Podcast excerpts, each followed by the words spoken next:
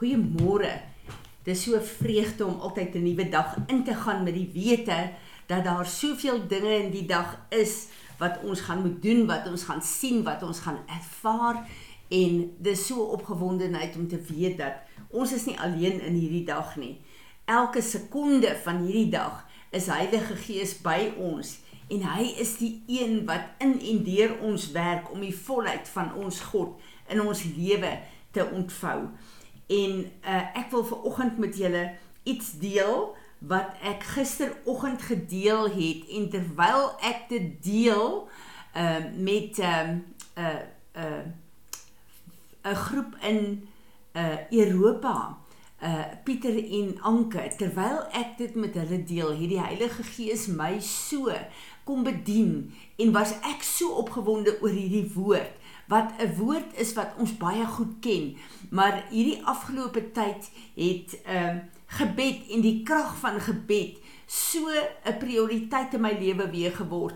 En dis asof wat Vader net van alle plekke af kom en vir my kom uh die krag van gebed, die voorreg van gebed, die uh verandering van gebed opnuut op my hart kom bid en ek besef daar's nie een van ons ver oggend wat luister na wat ek hier sê wat nie kan bid nie. En dit is vir my so wonderlik. Ons hoef nie na 'n plek toe te gaan nie.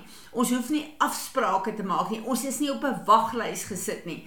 Ek en jy het toegang 24 ure dag deur Heilige Gees tot die troon van ons Vader. En hierdie is nie net ons verhouding wat so wonderlik vir ons is met die Here nie. Hierdie is 'n krag en hierdie is 'n plek waar ek en jy na ons gebedsaltaar toe kan kom. Gewoonlik in die oggende, afhangende van hoe jou programme dag is en wat ons hierdie altaar kan kom diens, wat ons nie weer die vuur kan laat brand, wat ons opnuut weer kan bid wat op Vader se hart is, maar wat ook die versigtings en die begeertes van ons eie hart is. Maar dan ook om te weet deur die dag is ek en jy op daai plek wat Paulus sê bid gedurig deur.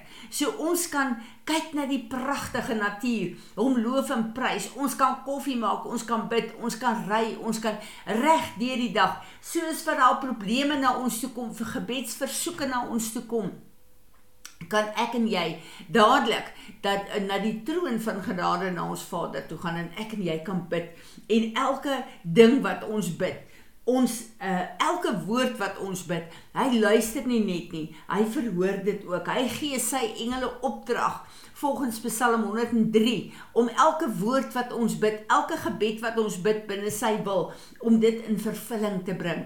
So ek en jy in ons lewe in die manier wat ons bid, letterlik is die strategie wat die engele voorwag om God se woord te vervul. Ons het sommer gepraat bietjie oor uh, gisteroggend oor uh the prayer of agreement. En uh, dit is wanneer ek en jy saam bid en saamstem is daar 'n krag. Maar daar is ook 'n ander plek waar ek en jy saamstem met die woord van God oor ons situasie, oor ons kinders, oor ons gesinne, oor ons gemeenskappe, oor ons gemeentes. En uh ek sê gisteroggend vir die um uh vroue groep vir die intercessors as ons 'n probleem het met een van ons kinders, heel eers gaan ons met die probleem en ons sê Vader, wat is u woord vir hierdie probleem? Want die woord van God is die swaard. En wanneer die Here vir ons die woord gee, die skrif gee, dan kom ek en jy en ons spreek daai skrif uit, want dit is die manier wat ek en jy God se woord mee saamstem, maar dit ook uitstuur as 'n swaard oor hierdie situasie. En ek het gisteroggend opnuut weer Jeremia 15 vers 19 vir ons gelees. Hoe kragtig is dit wanneer ek en jy die woord van God uitspreek? En ek lees dit vir ons. Therefore, thus says the Lord to Jeremiah, if you return and give up this mistaken tone of distrust and despair. Hoor wat hy sê. Hy sê vir Jeremia, Jeremia, as jy terugkeer na my toe, as jy ophou luister na die vyand wat met jou praat en vir jou jou geloof ondermyn en wat vir jou op 'n plek van moedeloosheid en magteloosheid bring.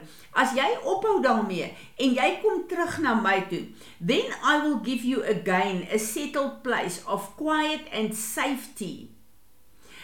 Wanneer ek en jy op hierdie plek is, en luister na die vyand. Wanneer ons op 'n plek is waar ons geloof geskit is en waar ons moedeloos is, daai plek is 'n plek waar ons nie standvastig is nie. Dis letterlik soos die Engelse sê, 'n shaky plek. En jou emosies is die heeltyd op en af daar. En die Here kom en hy sê as jy daai plek los en jy kom terug na my toe, dan gaan ek jou weer stabiel maak. Waar jy stil waar alles stil raak om jou en waar jy veilig is and you will be my minister and I and if you separate the precious from the vile cleansing your own heart from unworthy and unwarranted warranted suspicions concerning God's faithfulness you shall be my mouthpiece Jeremia as jy ophou om te luister na die vyand. As jy terugkom na my toe, dan gaan ek jou 'n minister beteken iemand wat die woord versprei, wat die woord saai, wat die woord uitspreek sodat God kan werk. So wanneer ek en jy stop om met hierdie klein gelowigheid, met vrees, met angstigheid, met stres, met bekommernis, as ons ophou om daar deur die vyand rondgeruk te word en ons keer terug na God toe. Dan is ons weer op die fondasie van sy woord wat veilig is. Dan word alles stil onder ons en dan gaan die Here sy woord gebruik gee vir ons om te minister. Wat 'n 'n 'n awesome plek is hierdie nie om te wees nie. Maar dan gaan ons na Jesaja 55 vers 11 toe. Een van my geliefkoeste kragtigste wapens waarmee ek werk. En die Here sê, so shall my word be that goes forth from my mouth as ek en jy sy minister is from our mouths it shall not return to me void without producing any effect useless but it shall accomplish that which i please and purpose and it shall prosper in the thing for which i sent it. Wat 'n voorreg, wat 'n vreugde, wat 'n krag het ek en jy nie. Wanneer ons die situasie kry en God gee vir ons 'n woord oor daai situasie, oor ons kinders, oor ons families, oor ons finansies. Wanneer ons dit het en ons spreek daai woord uit, dan is ons mond soos God se mond sê die woord. Maar daai oomblik gee God die engele opdrag om daai woord te vervul. Daai woord gaan nie leeg terugkeer nie. Dis nie 'n woord wat ek en jy spreek net vir ons ore om te bedoel nie. Dis 'n woord wat uitgaan wat die skepingskrag het van God. En hierdie woord is die woord wat ons mee saamstem. Nou wanneer ons praat van agreement, kyk 'n bietjie met wie stem ons saam. Die Here sê ons stem saam met hom want hy is sy woord. Die oomblik as ons sê ons stem saam met die Here, ons is in agreement, ons spreek hierdie woord uit, dan beteken dit in die eerste plek ons is in samestemming met Vader God, die skepper van die hemel en die aarde, van die heelal, die een wat ons geskaap het. So ons kom en ons spreek daai skrif uit en ons stem saam met die skepper. Wanneer ons saamstem met die skepper, die situasie waaroor ons bid, die situasie waar ons lewe uh miskien 'n bietjie geskit word. Hierdie woord en hierdie samestemming met die Skepper, hierdie vermoë om weer die skepingskrag van God te ontlont en dan word 'n herskepping as dit nodig is, 'n resetting soos die Engelse sê as dit nodig is, vind dan plaas in hierdie situasie. Ons stem saam met Jesus Wie is Jesus? Hy is die een wat oorwin het elke situasie wat daar is wat ons lewe kan benadeel of kan aanval. Hy is die een wat oorwin het. Hy het al die werk van die vyand oorwin, maar hy het nie net oorwin nie, hy het met sy bloed is die prys wat my en jou teruggekoop het uit die hand van die vyand uit. So ons stem saam met hierdie skrif met Jesus. Dan stem ons saam met die Heilige Gees Wat is die plek van die Heilige Gees in die godheid? Die Heilige Gees wat in my en jou woon. In die begin van die skepping het het die sê die woord van God, Vader het gespreek en die Heilige Gees het vaardig geword om die woord in vervulling te bring. Die Heilige Gees van God is die een wanneer ons daai woord uitstuur, wanneer die oorwinning van Jesus uh die oorwinning behaal wat nodig is, is hy die een wat dit bewerkstellig en dit bevestig. So wanneer ek en jy hierdie woord uitstuur, stem ons saam met Vader, Seun en Heilige Gees van God en hierdie woord skep en herskep. Uh soos Jeremia uh, God vir Jeremia gesê het, jy, uh, jy die vermoë om met jou mond af te breek en te vernietig die werk van die vyand, maar te bou en te plant en te herstel uh met my krag. En dit is presies wat hier gebeur. So wanneer ek en jy kyk na gebed, wanneer ons kyk na die krag van gebed, daar is niks en niemand wat teen ons kan staan wanneer ek en jy in samestemming met God en sy woord is nie. En dan kom Filippense 2 vers 9 en 10 in werking.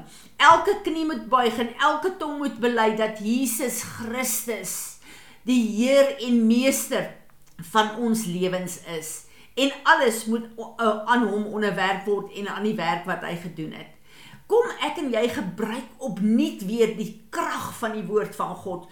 Kom ons stem saam met die woord. Kom ons stuur dit uit as 'n wapen, maar ook as 'n 'n 'n skepende woord om te skep en te herskep. En al daai plekke waar jy so 'n bietjie moedeloos geraak het in jou lewe, gaan na die Here toe en sê Here, wat is u woord? Ek soek 'n woord, ek soek 'n skrif vir hierdie situasie. Raak stil by die Here, kry daai woord en dan staan jy op in die opstandingskrag van Jesus Christus, ons Heer en Meester en ons stuur hierdie woord uit. En ons kyk hoe die hand van ons God in beweging kom, hoe die situasies kom verander. Wat 'n voorreg, wat 'n krag is dit net nie. Vader, Here Jesus en Heilige Gees van God, dankie vir u woord wat so ryk is, Here. Dankie dat u woord sê u rig ons voetstappe. Dankie dat u woord sê die oorwinning oor ons is afgehandel. Dankie dat u woord sê ons behoort nie aan onsself nie, maar ons behoort aan u. Here Jesus, dankie dat u ons teruggebring het na die huis van ons Vader. Heilige Gees, dankie dat u saam met ons op hierdie altaar op ons hart uh kan stem om ons Vader Jesus en U te verheerlik, maar ook om ons versigtings voor U te bring en te sien en te ervaar hoe U die werk afhandel. Ons wil U vanoggend loof en prys. Ons aanbid U as ons God. Ons bid dat U verheerlik sal word deur ons lewens in hierdie dag, Here, en dat ons in U oorwinning sal staan. Dat ons 'n gateway vir U sal wees om te bid en te doen en te sê, sê wat die begeerte van U hart vir ons is. Amen.